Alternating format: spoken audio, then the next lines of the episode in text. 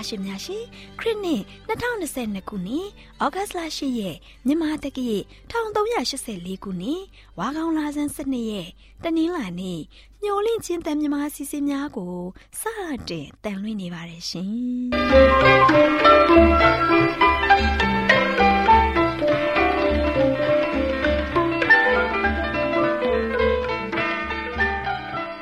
တော်တာရှင်များခင်ဗျာ မျောလင်းချင်းအတန်မြန်မာအစီအစဉ်ကိုနက်နက်6နာရီမိနစ်30မှ9နာရီအထိ16မီတာ kHz တစ်ခွန်ခွန်23ညညပိုင်း9နာရီမှ9နာရီမိနစ်30အထိ25မီတာ kHz 11943ညမှအတန်လွှင့်ပေးနေပါတယ်ခင်ဗျာ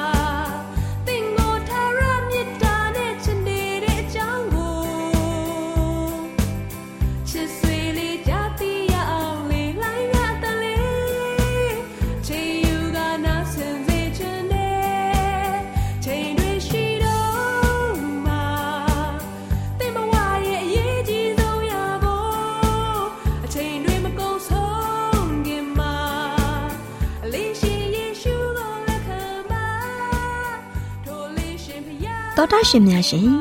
နေ့စဉ်အသက်တာခရစ်တော်၌တာအစီအစဉ်ကိုတိတ်ခါရောရဆရာဥဆိုင်သာတွေးထံမှာမှတ်သားနိုင်ယူကြပါစို့လားရှင်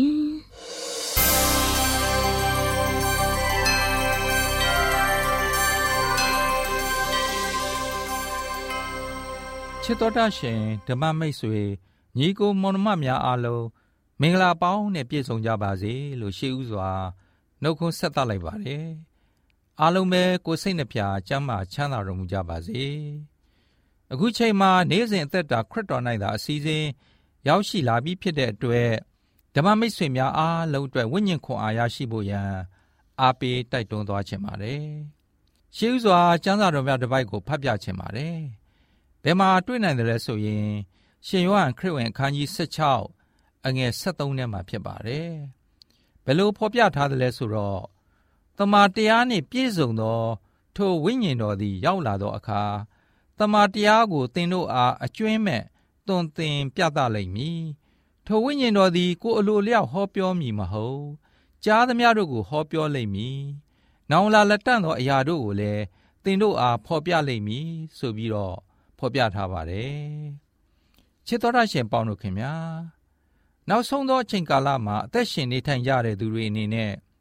ဝိညာဉ်တော်ရဲ့လမ်းပြမှုဟာအင်တန်မှအရေးကြီးပါတယ်ဒါကြောင့်လေဖတ်သွားခဲ့တဲ့ကျမ်းစာထဲကအတိုင်းတမန်တရားနဲ့ပြည့်စုံတဲ့ဝိညာဉ်တော်ရဲ့သွန်သင်မှုရဲ့လမ်းပြမှုအောက်မှာကျွန်တော်တို့အနေနဲ့အသက်ရှင်ဖို့လိုအပ်ပါတယ်ဓမ္မမိတ်ဆွေပေါင်းတို့ခင်ဗျာဟယ်လန်ကဲလာဆိုတဲ့အမျိုးသမီးရဲ့အကြောင်းနဲ့ပတ်သက်ပြီးသူမရဲ့ကိုရေးရာဇဝင်ထဲမှာဘယ်လိုဖော်ပြထားလဲဆိုတော့ သူမဟာအင်မတန်မှပြင်းထန်လာတဲ့ဖျားနာတဲ့ဝေဒနာကြောင့်သူမရဲ့နားနှစ်ဖက်နဲ့မျက်လုံးအစုံဟာ အလုံးမလုံးနိုင်တော့ပဲမကြားရမမြင်ရတဲ့ဖွားမြင်ကာနီးတရေသားပမာဖြစ်စေခဲ့ကြောင်းနောက်ဆုံးမှာသူမအနေနဲ့ထူးခြားတဲ့ပြောင်းလဲမှုကြီးကိုခံစားခဲ့ရကြောင်းတင်ပြရေးသားထားခဲ့ပါတယ်။အဲဒီလိုသူမအနေနဲ့အင်မတန်မှဝမ်းနည်းပွေရာပြောင်းလဲမှုကြီးကို ခံစားနေရင်းနဲ့တဖြည်းဖြည်းအဲ့ဒီတိတ်ဆိတ်ချင်းနဲ့မောင်မိုက်ချင်းတွေဟာ သူမအတွက်ရင်ပါလာခဲ့ပြီး နောက်ဆုံးမှာ သူမရဲ့ဆုံးရှုံးမှုမှန်သမျှကိုမေ့ပြောက်သွားခဲ့ပါတော့တယ်။ဒါဟာလေသူမရဲ့စိတ်ဝိညာဉ်ကို အနောင်အဖွဲအလုံးစုံကနေလွတ်ငြိမ်းချမ်းသာခွင့်ပေးတဲ့အရှင်သခင်ကြောင့်ပဲဖြစ်ကြောင်းသက်သေခံသွားခဲ့ပါတယ်။ဓမ္မမိတ်ဆွေပေါင်းတို့ခင်ဗျာ ဒီကနေ့ကျွန်တော်အားလုံးရဲ့စိတ်ဝိညာဉ်ကို အနောင်အဖွဲကနေလွတ်ကင်းစေနိုင်တဲ့အရှင်သခင်ရဲ့လို့ရှိပါတယ်။အဲ့ဒါကတော့တန့်ရှင်းသောဝိညာဉ်တော်ဖျားပဲဖြစ်ပါတယ်။အဲ့ဒီတန့်ရှင်းသောဝိညာဉ်တော်ဟာလူတိုင်းအတွက်တမာတရားအလုံးစုံကို သိရှိနားလည်အောင်လမ်းပြပေးပါတယ်။နောက်ဆုံးမှာအဲ့ဒီပုဂ္ဂိုလ်ဟာတမာတရားကိုသိရှိပြီးလို့တန်ရှင်းသောဝိညာဉ်တော်ရဲ့လမ်းပြမှုနဲ့ အဲ့ဒီတမာတရားအတိုင်းကျင့်သုံးသွားခဲ့ရင်တော့အပြစ်ရဲ့အနောင်အဖွဲ့ကနေလွတ်ကျွတ်သူတယောက်ဖြစ်လာပါလိမ့်မယ်။ဒါကြောင့်လူသားတနွယ်လုံးဟာဝိညာဉ်တော်အားဖြင့်ရရှိပိုင်ဆိုင်နိုင်တဲ့ဝိညာဉ်တော်ရဲ့လွတ်လပ်မှုကိုသိရှိတွေ့ကြုံခံစားနိုင်ဖို့လိုအပ်နေပါပြီဓမ္မမိတ်ဆွေပေါင်းတို့ခင်ဗျာတန်ရှင်သောဝိညာဉ်တော်ဟာပြောဖက်တွေကိုတိုက်တွန်းခြင်းအပြင် တမန်ကျမ်းစာအုပ်ဖြစ်ပေါ်လာတာမကသေးပါဘူးဒီကဘာမြေကြီးကိုဖန်ဆင်းတဲ့နေရာမှာလဲဝိညာဉ်တော်ရဲ့လှုပ်ရှားမှုဟာပါဝင်ခဲ့ပါတယ်ဒါအပြင်ကယ်တင်ချင်းစီမံကိန်းမှာလည်းပဲတန်ရှင်သောဝိညာဉ်တော်အားဖြင့်စီစစ်အတီးပြုပြီးဆုံးဖြတ်လှုပ်ဆောင်သွားတာမကသေးပါဘူးသစ္စာရှိခရိယန်တွေရဲ့အသက်တာတစ်လျှောက်လုံးမှာလည်းလမ်းညွန်သွားခဲ့ပါတယ်ချစ်တော်ရရှင်ပေါင်းတို့ခင်ဗျာဒီကနေ့အင်တာမှာရှုပ်ထွေးလာတဲ့ လူမှုအဖွဲ့အစည်းတွေမှာလူမှုရေးနဲ့ဆိုင်တဲ့ပြဿနာတွေကိုတော့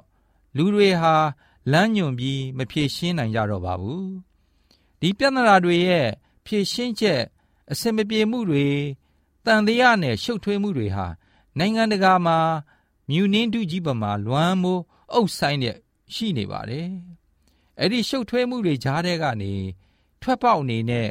လန်တွေးပြီးဟေးလို့တချို့လူတွေကနေ အတန်ကုန်ဟစ်အော်ကြင်ညာနေပေမဲ့လို့သူတို့ရဲ့လမ်းဟာသေမင်းတမန်ရဲ့လမ်းပဲဖြစ်နေကြပါတယ်။ချစ်တော်ရရှင်ပေါင်းတို့ခင်ဗျာလူဟာဘလောက်ပဲဉာဏ်ပညာထက်မြက်တယ်လို့တင်ညာမှာလည်းတစ်ဖက်ကန်းခတ်အောင်ထူးချွန်နေပေမဲ့လို့လေလန်ခရီတမာတရားနဲ့အသက်ဖြစ်တဲ့ခရစ်တော်စီကိုလမ်းညွန်ပေးတဲ့ဝိညာဉ်တော်မရရှိသေးသေးပြီးတော့ကမ်းတဲ့အခြေအနေ စွန့်အပ်တဲ့အခြေအနေနားပင်းတဲ့အခြေအနေမှာပဲရှိနေအောင်မှာဖြစ်ပါတယ်ခင်ဗျာဓမ္မမိတ်ဆွေပေါင်းတို့ခင်ဗျာလူဟာလောကကိုချစ်တာတဲ့ထာဝရနဲ့ဆိုင်တဲ့အရာတွေကိုပိုပြီးဆွဲလန်းတန်းတနိုင်အောင် ပြုပြင်ပေးတဲ့တကူဟာတန်ရှင်သောဝိညာဉ်တော်ရဲ့တကူပဲဖြစ်ပါတယ်ဒါကြောင့်အဲ့ဒီဝိညာဉ်တော်ဟာလူရဲ့စိတ်နှလုံးထဲမှာကိန်းအောင်နေပြီဆိုရင်တော့မဖော်ပြမစင်ချင်နိုင်တဲ့အဖြစ်မှာ ရှိသွားပါလိမ့်မယ်။ဒါကိုတော့ကိုတွေ့ဘုဒ္ဓတအားဖြင့်သာလျှင်သိရှိနားလည်နိုင်မှာဖြစ်ပါတယ်ခင်ဗျာဒါကြောင့်အင်အားစုကြီးမားလာတဲ့တန်ရှင်သောဝိညာဉ်တော်ကိုရရှိအောင်ဆုတောင်းပါအဲ့ဒီအင်အားစုတွေဟာလူကိုအင်အားကြီးမားစေပါတယ်အထူးသဖြင့်နလန်ထဘဝအခြေအနေမှာပိုပြီးအားအင်ဖြိုးစေပါတယ်နောက်ပြီးပြောင်းလဲစေနိုင်တဲ့တကိုးရှိတဲ့အတွက်ကြောင့် စွန့်သေးနေတဲ့စိတ်ဝိညာဉ်ကိုလျှက်စစ်ဓာတ်အားတို့ထိလိုက်တယ်လို့လူရဲ့အာယုံကြောတိုင်းကိုဘဝတည်ရောက်အောင်ပို့ဆောင်ပေးပါတယ်နောက်ဆုံးလောကီရေးရာကိလေသာတတ်မဲ့ခြင်းသဘောကနေကင်းလွတ်စေပြီးတန့်ရှင်းကြည်လင်တဲ့ဝိညာဉ်တော်ရိပ်တာအဖြစ်ကို ရောက်ရှိအောင်ပို့ဆောင်ပေးပါတယ်။ဒါကြောင့်ချစ်တော်ရရှင်ဓမ္မမိတ်ဆွေများအနေနဲ့တန့်ရှင်းသောဝိညာဉ်တော်ရဲ့လမ်းပြမှုအားဖြင့် ဘဝသစ်ကိုမြည်ဆန်းနိုင်ကြဖို့အိုးအဖဖျားယနေ့သားသမီးများတို့၏အသက်တာကိုကိုရရှင်လက်ထဲဆက်ကပ်အနံပါ၏ကိုရရှင်တန့်ရှင်းသောဝိညာဉ်တော်၏လမ်းပြမှုအားဖြင့်အသက်တော်ဘဝအသက်တာကိုရရှိခံစားနိုင်ဖို့ရန်မားစတော်မူပါအာမင်ဆိုပြီးဆုတောင်းကြပါစို့ချစ်တော်ရရှင်ဓမ္မမိတ်ဆွေညီကိုမမအရောက်စီတိုင်းပေါ်မှာ ဖျားရှင်ထံမှာကောင်းကြီးမင်္ဂလာဖျားဖျားကြားရောက်ပြီးနေ့စဉ်သက်တာမှာခရစ်တော်ဖျားကိုအားကိုယုံကြည်ခြင်းအပြင်အောင်မြင်သူအရောက်တိုင်းဖြစ်နိုင်ကြပါစေ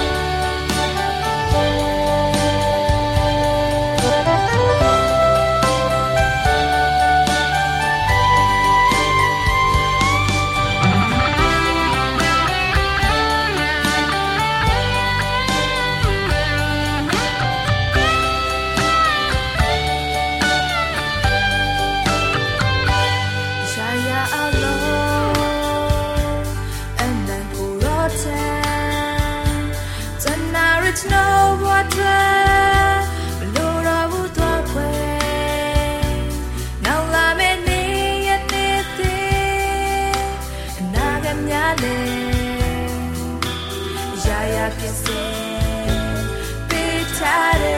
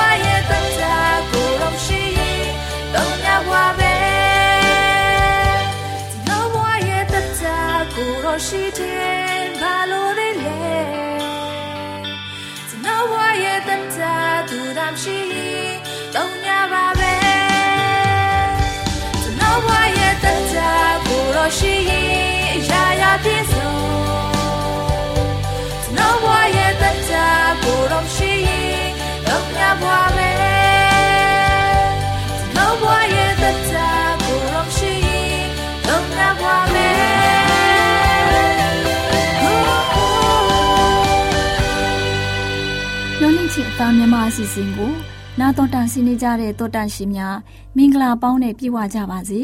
တောတာရှင်များရှင်လူတဦးတယောက်ရဲ့အသက်တာမှာတွေ့ကြုံရတဲ့အတွေ့အကြုံတွေများလာပါတယ်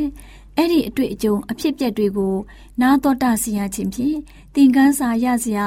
ဝိညာဉ်ခွန်အားတိုးပွားစရာတွေဖြစ်စေပါတယ်ဒီကနေ့မှလည်းအင်ဂိုလာလူအန်ဒါမှာနေထိုင်တဲ့မာရီအိုဆိုတဲ့လူငယ်လေးတယောက်ရဲ့အကြောင်းကိုကြားရမှာဖြစ်ပါတယ်။မာရီအိုဟာသူ့ရဲ့မိခင်နဲ့အတော်နဲ့ကြီးပြင်းလာရတယ်။ငယ်စဉ်ကတော့အတော်နဲ့နေပြီးအတော်ရဲ့အိမ်ဝင်းထဲမှာရှိတဲ့တစ်ပင်အောက်မှာဥပုသ္စာပြေကျင်းပတာကို တွေ့ရတယ်။ မာရီအိုဟာလူပြိုအရွယ်ရောက်တဲ့အခါမှာအပေါင်းအသင်းတွေနဲ့ရှောက်သွားတယ်။ရုပ်ရှင်ကြည့်တယ်။ရည်စရာတွေပောက်ကရကလေးကချေလိုက်လုပ်တယ်။ကြာလာတော့မာရီအိုဟာခိုးတက်လာတယ်။နောက်တော့တခြားမြို့ရွာတွေကိုသူတို့ပြောင်းရွှေ့သွားကြတယ်။မိတ်ဆွေဟောင်းတွေနဲ့လည်းဝေးကွာသွားတာပေါ့။မကြခင်သူတို့ရဲ့အိမ်နာနီချင်းတွေနဲ့မိတ်ဆွေဖြစ်သွားတယ်။အဲ့ဒီအိမ်နာနီချင်းမိသားစုဟာစနေနေ့ညနေတိုင်းအစားအစာတွေအများကြီးချက်ပြီး မိတ်ဆွေတွေကိုလည်းကြွေးတာတတိပြုမိတယ်။သူတို့နဲ့မိတ်ဆွေဖြစ်ရင်စားရမှာပဲဆိုပြီးမာရီအိုဟာမိတ်ဖွဲ့တယ်။စနေနေ့ညစာအတွက်လိုက်ရှာတယ်။သူ့အိမ်နာနီချင်းမိသားစုကသူ့အကြံကိုသိသွားတယ်။ဒါနဲ့သူ့ကိုပြုံးပြပြီးသူတို့နဲ့အတူတူဖះเจ้าတက်ပြီးမှသူတို့နဲ့အတူတူထမင်းစားနိုင်မယ်လို့သူ့ကိုပြောတယ်။မာရီအိုလည်းသဘောကျပြီးမျောလင့်ချင်းအသင်းတော်เจ้าကိုစတင်တက်ခဲ့ပါတယ်။ မာရီအိုဟာဖះเจ้าကို အစာစားဖို့နဲ့လူငယ်တွေကိုမိတ်ဖွဲ့ဖို့အတွက်ပဲသွားခဲ့တာဖြစ်တယ်။ဖះเจ้าမှာဖះရှင်နဲ့စစ်မှန်တဲ့အဆက်အသွယ်ကိုမရခဲ့ပါဘူး။ဒါကြောင့်နွန်ထဲကကျွဲဟာနွန်ထဲမှာပဲပြန်သွားခြင်းတလို့မာရီအိုဟာဒုစရိုက်လုပ်ငန်းလုပ်နေတဲ့မိတ်ဆွေဟောင်းတွေနဲ့သွားတွေ့ခဲ့တယ်။သွားပြီးတော့လည်းပူးပေါင်းခဲ့တယ်။မကြပါဘူး။သူတို့နဲ့အတူတူအရက်တွေတောက်တက်လာတယ်။တညမှာတော့ ကြောက်မက်ဖွယ်ကောင်းတဲ့တနတ်ပစ်တံတွေကြားရတယ်။ညမထွက်ရဲပဲဘာဖြစ်ခဲ့တာလဲဆိုတာသိချင်တော့မနဲ့မိုးလင်းတဲ့အခါမှာလမ်းပေါ်ကိုသွားလိုက်တယ်။လမ်းမပေါ်မှာတည်နေတဲ့လူနှစ်ယောက်ရဲ့အလောင်းကိုသူတွေ့ခဲ့တယ်။သူတို့ကိုမသိပေမဲ့မာရီအိုဟာအင်မတန်လန့်သွားခဲ့တယ်။အဲ့ဒီလူနှစ်ယောက်ဟာအိမ်တအိမ်ကိုဖောက်ထွင်းဖို့ကြိုးစားနေစဉ်မှာပဲပြစ်တက်ချင်းခံရတာဖြစ်တယ်လို့လူတစ်ယောက်ကပြောပြပါတယ်။မာရီအိုဟာ အဲ့ဒီအလောင်းနှလောင်းကိုကြည့်နေမိစဉ်မှာပဲဘာစဉ်းစားမိလဲဆိုတော့အစင်သိရှိပါကျွန်ုပ်တို့ရဲ့လမ်းဆုံးဘယ်တော့ရောက်မလဲဆိုတာမသိပါလို့တရားဟောဆရာပြောခဲ့တဲ့စကားကိုတတိယပြီးစဉ်းစားမိတယ်။ဒီလူငယ်နှစ်ယောက်ဟာသူတို့မသေးခင်ဖျားသခင်ကိုမသိခဲ့ပါဘူး။မာရီအိုကကျွန်တော်အတွက်မှာအချိန်ရှိပါသေးတယ်။ဒါကတော့ဖျားသခင်နဲ့တင့်မြတ်ခြင်းနဲ့ဆက်ကပ်ခြင်းပြုလုပ်ဖို့ အချိန်ရှိသေးတယ်ဆိုပြီး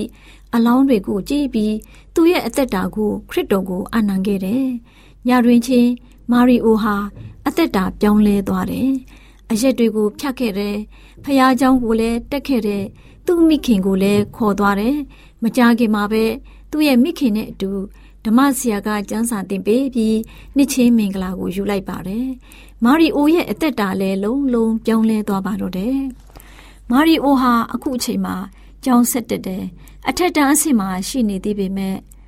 Liz Leaders Training Course ကိုယူပြီးလူငယ်တွေအတွက်တရားဟောပါတယ်။မိတ်ဆွေတွေကိုအားပေးတယ်။ဖះရှင်ရဲ့အလိုတော်ကိုခံယူနိုင်ဖို့မှားရာကိုရွေးချယ်တတ်ဖို့အားပေးတယ်။မမှန်တဲ့ရွေးချယ်မှုပြုလုပ်မိတဲ့အခါမှာနောက်မကြခင်လမ်းမှန်ကိုပြသခဲ့ရုံသာမကဘူး။ကျွန်တော်ကိုမစွန့်ပစ်တဲ့ ဖះသခင်ကိုကျေးဇူးတင်တယ်ဆိုတဲ့အကြောင်းကိုလည်းပြောပြခဲ့ပါတယ်။သောတရှင်များရှင်အချိန်မီဖះရှင်ပြုပြင်ပြီးနောင်တတရားရခဲ့တဲ့မာရီအိုရေးသားပေးတဲ့တက်တေခံချက်ကို နာတော်တာဆင်ရင်ဝိညာဉ်ခွန်အားရရှိကြပါစေတောတာရှင်များရှင်လန်းချမ်းမြေ့ကြပါစေရှင်မောင်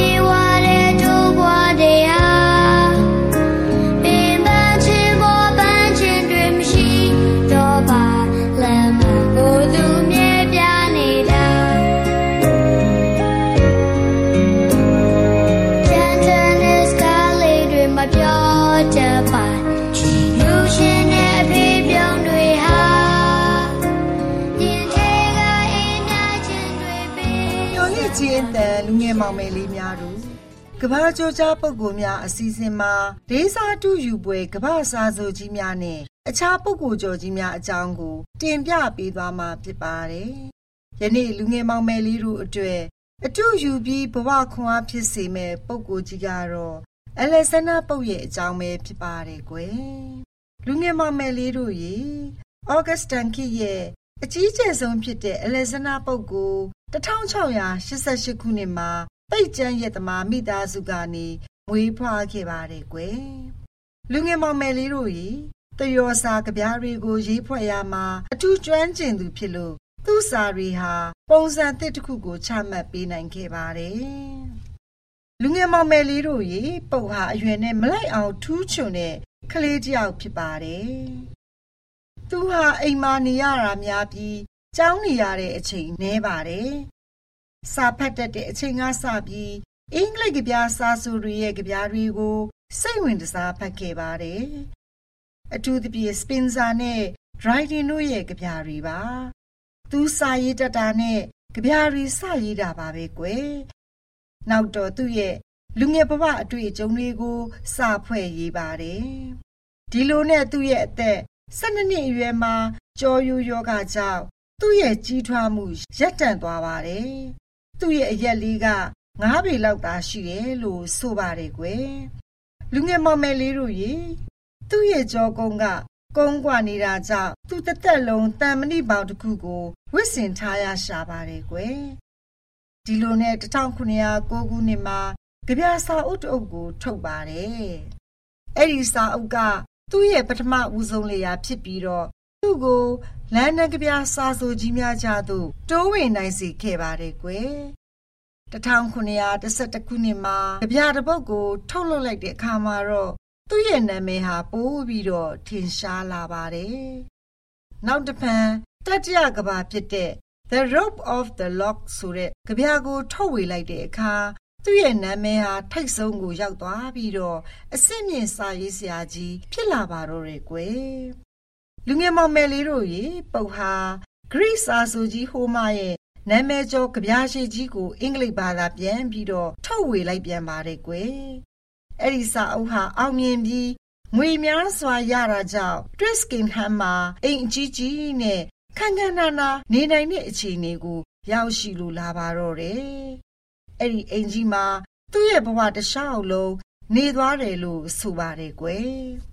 လူငယ်မမယ်လေးတို့ရေပုတ်ဟာအသက်ရလာတဲ့အခါမှာတော့လှောင်ပြောင်ခနဲ့တဲ့စာတွေကို ရေးနေရကနေလူရဲ့တိတ်ခါလူကိုချင်းတရားတွေဘက်ကိုလှည့်ပြီးတော့ကြပြတွေရေးလာပါတယ်။သူဟာအေးချမ်းမှုနဲ့တိတ်ဆိတ်မှုတွေကို မျက်နှိုးလေးရှိပါတယ်ကွယ်။တခါတည်းရန်အိုးဖျားသခင် ကျွန်ုပ်ဟာစာရေးဖို့မွေးလာတာပါလို့တိုင်တီပြောဆိုလေးရှိပါတယ်ကွယ်။ပုတ်ဟာအဲ့ဒီလောက်ထိ သူ့ရဲ့စားဆိုဘဝကိုအလွန်မှပင်နှစ်သက်မြတ်နိုးခဲ့ပါတယ်ကွယ်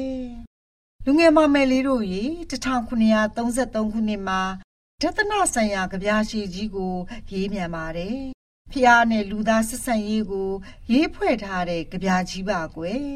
အုတ်ဟာတငယ်ချင်းမိတ်ဆွေအများအပြားရှိပေမဲ့သူနဲ့တင့်တင့်အဆင်ပြေသူကနေပါလှပါတယ်ကွယ်